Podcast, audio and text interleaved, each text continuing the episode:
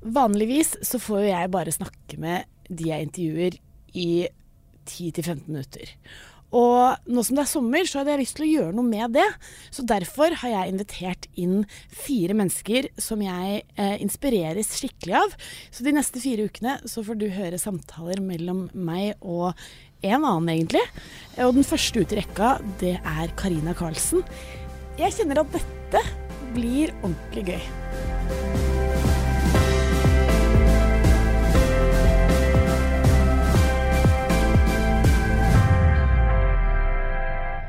Karina Karlsen, velkommen til F-ordet. Takk. Du er vernepleier, har en master i empowerment og helsefremmende arbeid. Du har fordypning i sexologi og funksjonshemming samt seksualitet og seksualundervisning. Og du har videreutdanning innen fat studies og body politics fra University of eh, Wisconsin. I tillegg er du samfunnskritiker, tykkeaktivist, likestillingsarbeider, foredragsholder, universitetslektor og driver med burlesk. Har jeg glemt noe? Hundeeier. Hundeeier. Hundeeier og menneske. Ja. Ja. Veldig imponerende CV. Eh, takk. Ja. Ja. Hva, eh, det er jo helt tydelig fra dette her at eh, du har et brennende engasjement for mye ting. Har du alltid vært engasjert?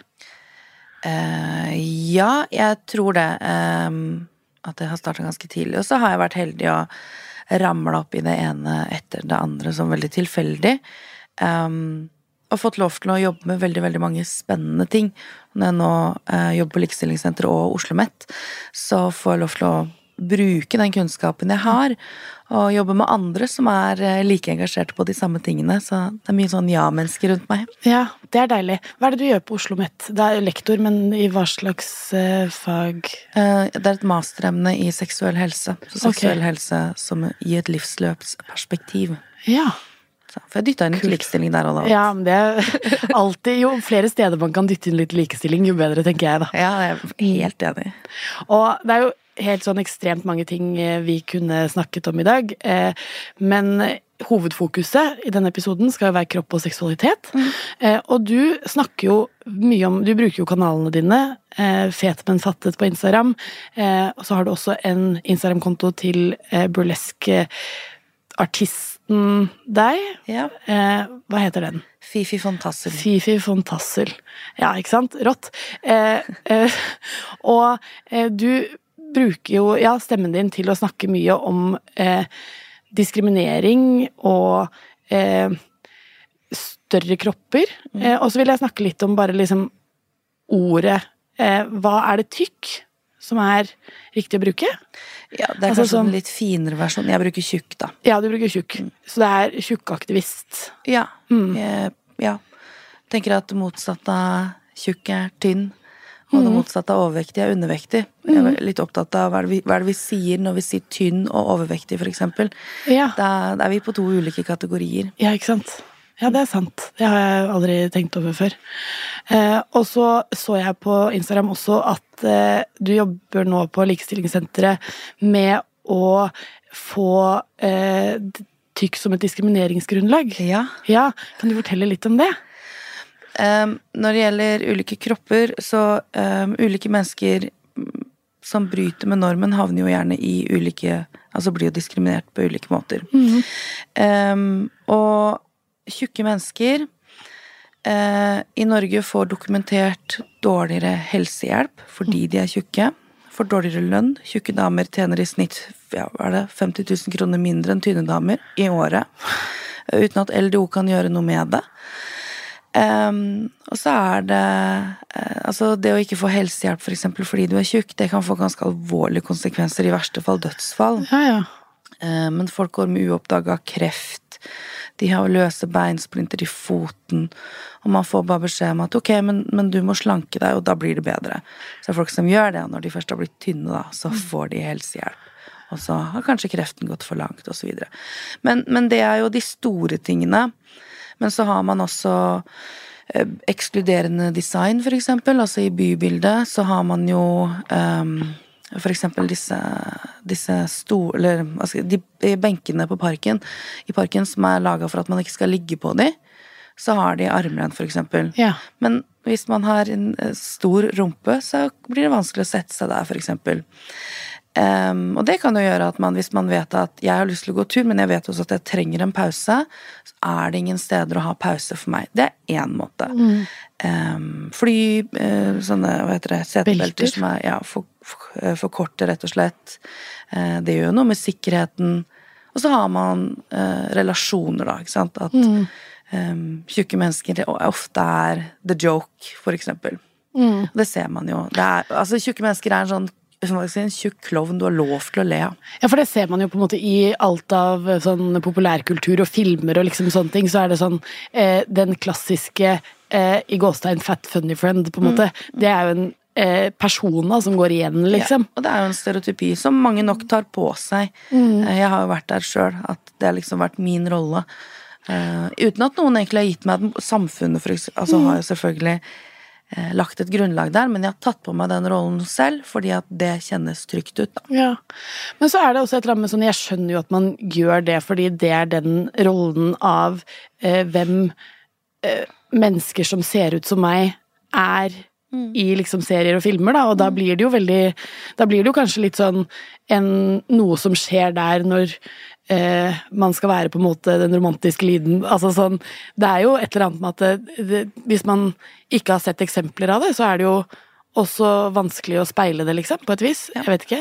Representasjon er jo kjempeviktig, og vi snakker om representasjon hele tiden. Mm. Men, men, vi glemmer at kropp også er et interseksjonelt perspektiv, da. 100 um, ja. Og så er det sånn, Jeg husker jeg ble så overrasket, eh, fordi jeg har aldri tenkt over på en måte, Og det er jo eh, selvfølgelig et eh, privilegium, men jeg har aldri tenkt over det at liksom, du kan gå til legen eh, og eh, ha lungebetennelse, eller lungekreft for den saks skyld, mm. Eh, og så er eneste beskjeden du får før de liksom hører på lungene dine en gang, at du må slanke deg. Mm. Det er, jo, altså, sånn, det er jo helt sinnssykt, egentlig, og det husker jeg sånn, så eksempler av på TikTok. da, mm. Som bare er sånn Å ja, dette, jo, dette er jo ikke opplevd virkelighet for meg, så jeg har ikke tenkt over det. Men så får man jo eksempler av det, og da blir man jo rasende, for det er jo, det er jo for dårlig, liksom. Mm. Det er jo helt sinnssykt. for at du blir rasende, for det er jo ikke alle som gjør det. Um, det er jo en sånn holdning om at ja ja, men slank deg, da, så, så blir det bedre. Ja, men et, Da kommer min tilbake sånn Ja, men kreft blir ikke borte hvis du slanker deg, liksom. Nei, ikke sant. Så det er jo eh, Ja. Og så er det liksom også et eller annet den der med eh, Når vi først er inne på liksom noe av det du har skrevet på Instagram, da, så var det den derre eh, En rapport om hvor mye feite mennesker koster samfunnet. Ja. Eh, hvor det var bare sånn Hvis man leser en overskrift, så skjønner jeg helt altså sånn Hvis du bare liksom er inne på VG og scroller og mm. leser mm. eh, Så mye koster Hva var det det var? Eh, et uh, tall som liksom kastes rundt, er at tjukke mennesker koster samfunnet 40 milliarder kroner i året. Ja. Uh, og så er mitt poeng at det gjør også idrettsskader. Ja. uten at vi jo snakker om det. Og så glemmer man jo kanskje hvorfor da disse eh, kostnadene løper på, og det ja. jeg også var et godt At du på en måte skrev det, da, for det burde jo liksom stå øverst i ingressen at sånn Men, Dette Hvis du blir behandlet dårligere, så er det også mindre sjanse for at du liksom ja. Men jeg tror altså Folk er ikke så interessert i det. De av oss som rammes av dette, er jo kjempeengasjert i det. Mm. Og så har man noen andre som også engasjerer seg. Eh, pårørende som kanskje engasjerer seg. Altså, altså det blir Det er en endring her. Det er mer interesse og mer engasjement rundt det. Men jeg skulle veldig gjerne ønske at pressen f.eks. tok mer tak i det. Ok, her er tallet. Og så kan vi jo si at ok, det er et reelt tall. Mm. Men hvorfor blir det sånn? Hva er det eh, som skjer i samfunnet? Hva skjer med deg individuelt? Hvis du ikke får jobb fordi du er tjukk, og det vet vi skjer. Norske ledere har jo også sagt det ganske tydelig i enkelte intervjuer, at de ansetter ikke tjukke mennesker fordi at min fordom er at de er dårligere arbeidere, og at de blir oftere syke. Og tjukke mennesker må søke flere jobber enn tynne mennesker. Eh, så når ikke du får jobb, da havner du jo veldig gjerne på Nav, for eksempel. Ikke sant? Mm. Ikke noe i å være der, men da koster man jo plutselig staten penger. Hvis ikke du får helsehjelp, så blir du sykere og sykere, og da, når du endelig får hjelp, da kan du også ende med å koste samfunnet ganske mye penger. Så jeg mm. mener, det, det, er ikke sånn at bare fordi at jeg sitter her, så koster jeg en halv milliard, liksom. Nei. bare fordi jeg eksisterer. Det, det, er mange ting. Ja, Det er sammensatt. Ja, for det er nettopp det, da. Det at, eh, for det er jo gjerne liksom i saker som snakker om eh, minoritetsgrupper, uavhengig eller eh, interseksjonaliteten i ting, liksom. Om man snakker om transpersoner, om man snakker om skeive, om man snakker om eh, eh, større mennesker, om, man, altså sånn, om hva enn det er, da, så er jo kommentarfeltene der liksom besudla i drit, oh, liksom. Gud, ja. Eh, og det at det da ikke det er et ansvar hos journalister eller andre til å liksom skrive sånn Men eh, hører du sier dette, Bjørn Roger, unnskyld til Bjørn Roger, men, eh, men eh, har du tenkt på XX og X? Fordi det kan kanskje endre bildet ditt, liksom. Men eh, altså, nå Selvfølgelig, det er jo sånn med alle eh, disse minoritetsperspektivene, men eh, akkurat dette med kropp er noe vi lærer fra vi er ganske små, at det er feil å være tjukk. Og det jeg kaller det litt sånn barneskolekunnskap, som folk bare tviholder på. Og jeg ser jo også eh, folk som er eksperter eh, på dette her, er på fedmefeltet. Eh, det er jo enkelte av de som har sagt at jeg kunne bare spart meg den utdanningen. For uansett hva jeg sier, uansett hva jeg gjør, så er det alltid et kommentarfelt som vet bedre enn meg. Ja. Eh, så mm, Og det viser jo forskningen også, at eh, helsevesen Selv om ikke de er utdanna innen kropp, så tror de gjerne at de kan mer om det enn det de kan. Og dette her med kropp og vekt det er så komplekst. Jeg synes det er fryktelig farlig at vi bare er så nonsjalante til det, da. Og at vi ikke er interessert i å lære mer om et veldig spennende, men veldig komplisert fagfelt. Hva, hva burde folk vite? Eh, Et argument jeg ser veldig ofte, er eh, tren mer og spis mindre. Ja. Det er noe som heter eh, Obesity Foresight Map, som viser at det er 108 ulike grunner til at folk blir tjukke. Og så er det 300 ulike kombinasjoner. Um, og da tenker jeg det er det beste eksempelet jeg har på at tren mer og spis mindre det, det, er det funker ikke. Nei. Så selvfølgelig, noen av de grunnene handler om eh, at man eh, spiser eh, seg opp i vekt, selvfølgelig. Um, og så er det noe som handler om gener, osv. Så, videre. så hvis, man, hvis folk flest visste om det, så tror jeg utgangspunktet hadde For det første så hadde folk liksom sagt å ja, ok, men kanskje, kanskje jeg tar feil. Og så kanskje vært interessert i å lære seg litt mer. Men vi trenger også at helsepersonell for eksempel um, tør å innrømme at de har gjort feil. Eh, og kanskje ber en liten unnskyldning, og så starte litt på scratch om dette temaet. Ja. ja, det er jo viktig med ref kunnskapsøkning, så er det jo i hvert fall viktig at leger får en liten kunnskapsøkning, så ikke resepten alltid blir gående i vekt, kanskje, eller? Ja. Og så syns jeg på en måte det er eh, også Jeg lurer på når det skiftet skjer, for når det liksom er babyer, så tenker man sånn Å, han er så deilig og tjukk, liksom. Altså, sånn, sånn snakker vi om eh, små barn. Eh, og så på et eller annet tidspunkt der så skjer det et skille hvor eh, det på en måte er eh, Du kan ikke si tjukk engang, fordi det er et skjellsord, liksom. Nei, altså, jeg tror det skjer veldig, veldig tidlig. Jeg har en uh, venninne som ble satt på slankekurs som baby. Som baby, ja. Eh, og det, er- det er ganske alvorlig. Ja. Så en annen venninne som hun fikk barn, og det var en tjukk, liten baby. Og folk sa nettopp det du sier, 'å, så god', ikke sant? Og så sa denne mammaen at vet du hva, jeg håper det fortsetter, jeg håper du blir en ordentlig tjukkas. Tenk så deilig. Og de hadde blitt helt sånn du kan ikke si Nei, vet du hva, det kan du faktisk ikke si. Du kan ikke mene det. Sånn at jeg veit ikke, det er vel noe med at uh, akkurat som dyr, så skal babyer være liksom, Dyrebabyer er jo søtest når de er litt sånn runde og gode, ikke sant? Sånn fluffy. Ja. Og så går det over Vet ikke, ett års alder kanskje. Eller bekymringen starter jo ganske tidlig. ja. Tenk det. Slankekurs som baby. Det er ganske alvorlig. Det er uh, veldig alvorlig, ja. Mm, Men uh, um, Helse-Norge har det vel, som har, um, har en egen side om um, Jeg tror det er Helse-Norge som har en egen side om hvordan unngå uh, barnefedme. Og da er det, står det om morsmelka. Så det begynner Myndighetene Ja. begynner ganske tidlig med det her. Ikke sant.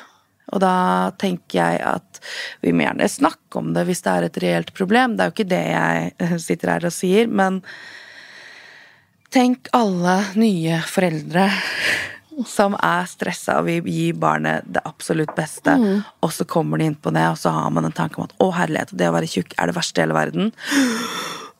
Nå kan ikke du få mat. Altså, jeg, jeg bare ser for meg Ja. scenarioer her. Og så, tenk, tenker jeg også sånn at det er jo egentlig ikke rart med liksom sånn den offentlige diskursen og alt man ser, at det, å være tjukk blir sett på som noe av det verste i verden. Fordi at det, det står altså sånn Hvert eneste år, det har riktignok, det skal jeg si, det har blitt bitte litt bedre i løpet av de siste kanskje 15 årene, så er det ikke like mye sånn Spis dette, og du går ned 70 kilo, eller Og der er jeg nok litt uenig med deg, men ja, ja. eh, eller den der, slik går du ned så mye Ja. før sommeren og sånne ting. Ja. det har jo vi alle sammen fått sett på alle liksom eh, blader, TV, alt siden vi var barn. Og da tenker man jo at målet er å gå ned i vekt uansett, på en måte. Eh, og det er veldig interessant. Det er veldig interessant, men jeg skal bare si at det var et foredrag jeg holdt eh, Det var, ja, det var i år, jeg tror det var i mars, og da gikk jeg inn på um, eh, på de største nettavisene i landet, og jeg tror jeg samla 15 slankesaker. Ja, ikke sant. Ja. Og det var den dagen. Liksom, morgenen før jeg skulle holde det foredraget. Så um, jeg tror de har blitt litt mer sneaky med det. Det kalles gjerne livsstilsendring. Ja. Og så er det liksom Det er mer sånn personlige historier og tar grep, og så slankekurene er liksom bakt inn i Men, men holdningen er jo fortsatt at du skal jo. Ikke sant? Ikke koste samfunnet, og Nei. ikke være til bry for mine øyne. Altså, ja. Og så er det også den der, det at når på en måte eh, vi har fått Eller hver gang jeg har fått et idol, eh, om det er en skuespiller eller hva enn det er, og så ser man også de der liksom sånn eh, avisforsidene eller forsidene med sånne der eh, rundinger rundt en cellulitt det mennesket har på rumpa, for eksempel, ikke sant? Så er det ikke rart at man tenker at sånn Målet i livet er å gjøre utgangspunktet sitt litt bedre, da. Ja. På alle områder, liksom.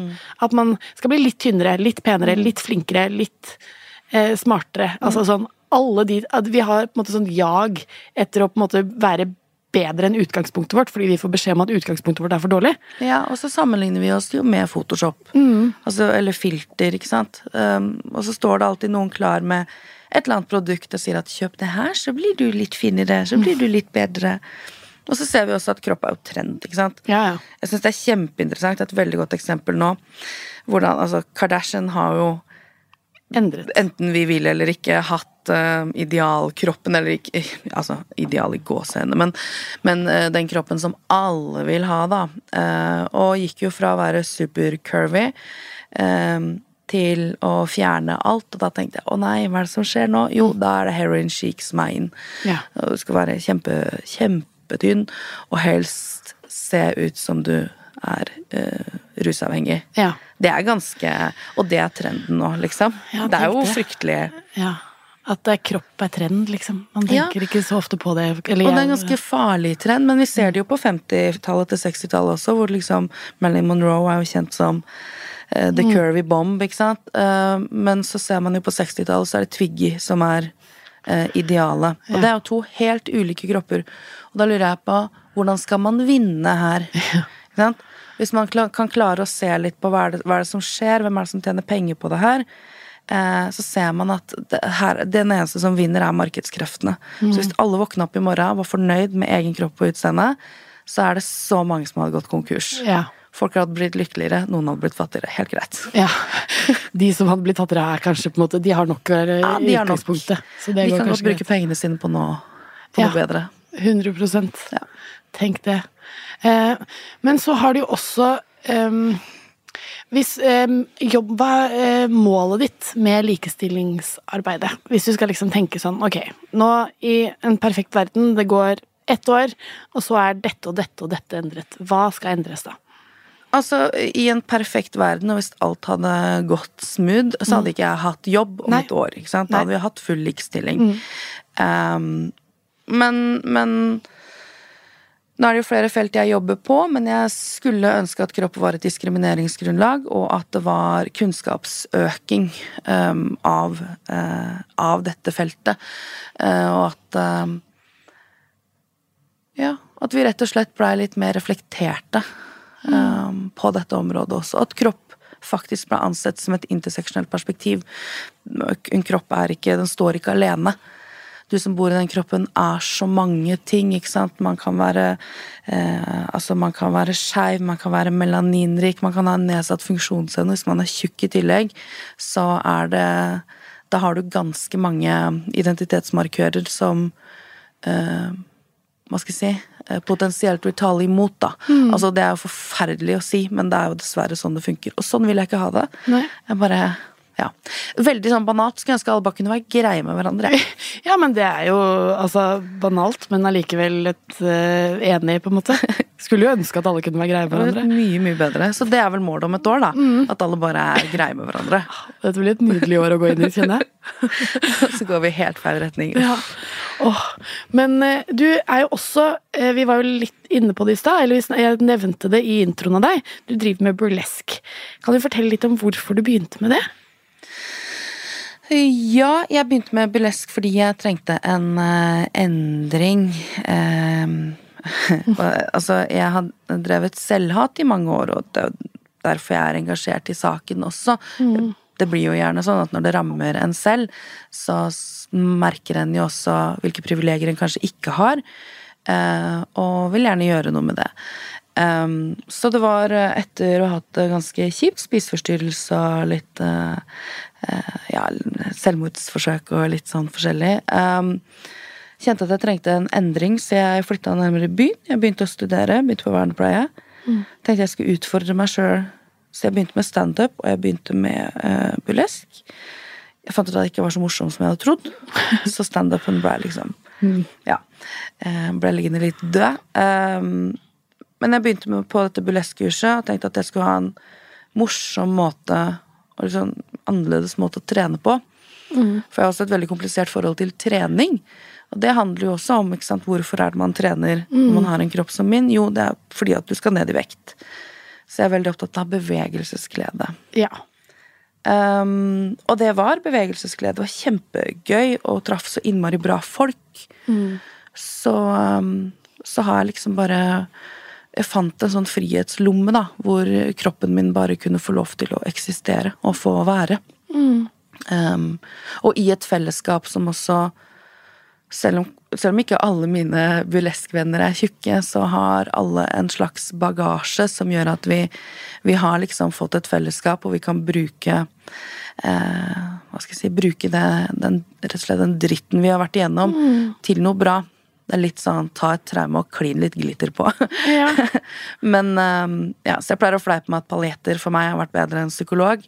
Um, men, uh, men ja, nå har jeg holdt på i ti år. Um, jeg kjenner jo veldig at um, det hjelper meg å holde spiseforstyrrelsen i sjakk. Det holder meg frisk å få lov til å være, uh, være den karakteren, da.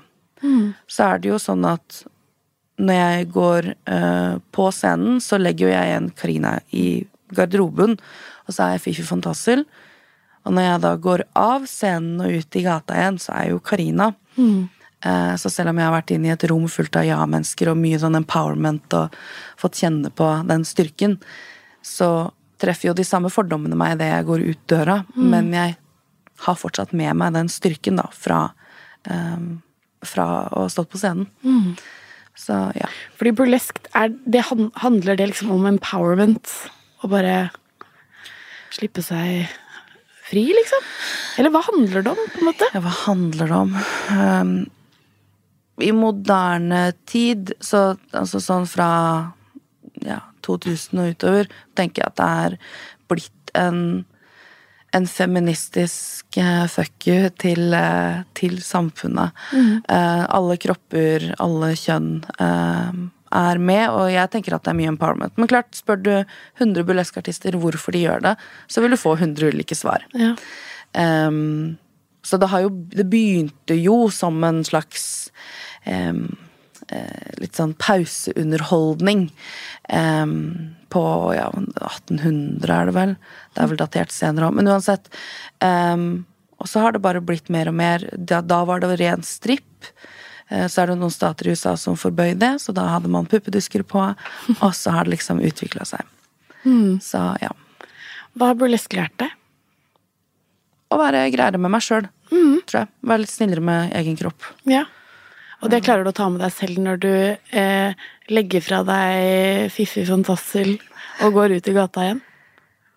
Ja, jeg vil si det. Um, og så er det jo dette fellesskapet, og det at jeg har blitt greiere med egen kropp, gjør også at jeg er mye greiere med andre. Um, jeg har ikke noe behov for å sammenligne meg, jeg har ikke noe behov for nødvendigvis å, å uh, se og dømme, som vi jo alle gjør. Altså, ja. Så det er mindre av det. Ja. Og det er deilig. Det er veldig deilig. Men det, er også, det, det kan jeg kjenne meg igjen i. Liksom sånn, jo mer jeg blir eh, glad i meg selv, jo bedre menneske er jeg på en måte mot andre òg. For at, Ja. eh, hva, hvem er jeg til å dømme, liksom? Ja. Eller hvem er jeg til å sette deg i en boks, eller hva enn? Ja. Det er på en måte noe med i det. Og så er det jo denne eh, tredje paraplyen i dag, som er liksom seksualitet og seksuell helse og sexologi, som du også har eh, hatt studert og jobber med på Oslo OsloMet. Hvordan kom du inn i det? Hvordan kom jeg inn i det? Du, det veit jeg egentlig ikke. Jeg tror jeg sa da jeg var 14 at jeg skulle bli sexolog, men da skjønte jeg ikke hva det var. Um, og så har jeg bare vært eh, interessert Det var kanskje først når jeg studerte vernepleie og skrev, en, skrev bacheloroppgaven min om seksuell helse og holdninger. Um, så etter det har det bare balla på seg. Ja. ja, for det så jeg en artikkel fra frifagbevegelsen, at uh, på en måte det at uh, vi, vi folk med funksjonshemminger, vi lar ikke de ha en seksualitet. Og at det, det er også noe av det du eh, ta på dagsorden. Ja. Nå er det eh, eh, utviklingshemmede jeg Ja, unnskyld. Nei, nei, bare, bare et viktig skille, men, men det er utviklingshemmede jeg eh, jobber mest med. Men ja, vi lar ikke Det er en gruppe som eh, barnliggjøres og gjerne ikke får lov til å ha noe egentlig, verken kjærlighetsliv, eh, følelsesliv på den måten, eller seksualitet. Så her må det òg gjøres noe. Ja. Eh, hvis du skal da tenke eh, seksuell helse om et år, hvor er vi da? da. uh, full likestilling for alle. Altså mer kunnskap der òg, tenker jeg. Ja. Eh, vi har jo en del faste spørsmål i disse sommerspesialene som vi stiller alle som er her. Eh, og da begynner vi helt enkelt. Hva er det beste du vet å gjøre på sommeren? Det er um, Jeg kjøper meg alltid en sånn stor badering, Ja. og så ligger jeg i den i vannet nesten hele sommeren. Åh, deilig. Også i Norge? Eh, Ja. Ja. Og folk ler. Og andre voksne syns at det er veldig rart når jeg sier at jeg skal kjøpe meg badering og ligge i vannet, men det er så undervurdert. Eh. Alle bør gjøre det. Da er det bare å, eh, hvis du spoler tida tilbake til du var barn, liksom, så er det jo bare å huske hvis man var i Syden da, på en måte. Det beste som fantes, var jo å gå på eh, den kiosken rett ved stranda og kjøpe en eller annen strandleke. Altså sånn, Det fins jo ikke noe gøyere. Nei, altså, det er helt nydelig. Ja, Litt upraktisk å drive og drasse med seg rundt gjennom byen og sånn, men kanskje verdt det, altså. Altså Ja, det er verdt det. Hva står på din parolebanner i år? Eh, kropp inn som et diskrimineringsgrunnlag. Ja. Når begynte engasjementet ditt for likestilling? Vi har vært litt inne på det, men Jeg tror jeg begynte ganske tidlig, men jeg trodde at, jeg trodde at feminister var rockedamer med rød leppestift. Så jeg tenkte at når jeg var liten, så tenkte jeg at det var sånn jeg ville bli. Ja. Eh, og så har jeg liksom skjønt at det handler om litt mer nå. Men jeg tror jeg har fått det ganske eh, Hva skal jeg si inn med morsmjelka. Ja. ja. Det er en mamma som nok ikke vil kalle seg feminist, men som virkelig er det. Ja. Og en av de første kvinnene på travbanen og sånn. Så jeg bare Sorry, mutter'n. ja. Du er nok det, ja. Du er nok det. Nei, dette har vært veldig fint. Tusen hjertelig takk for at du kom hit.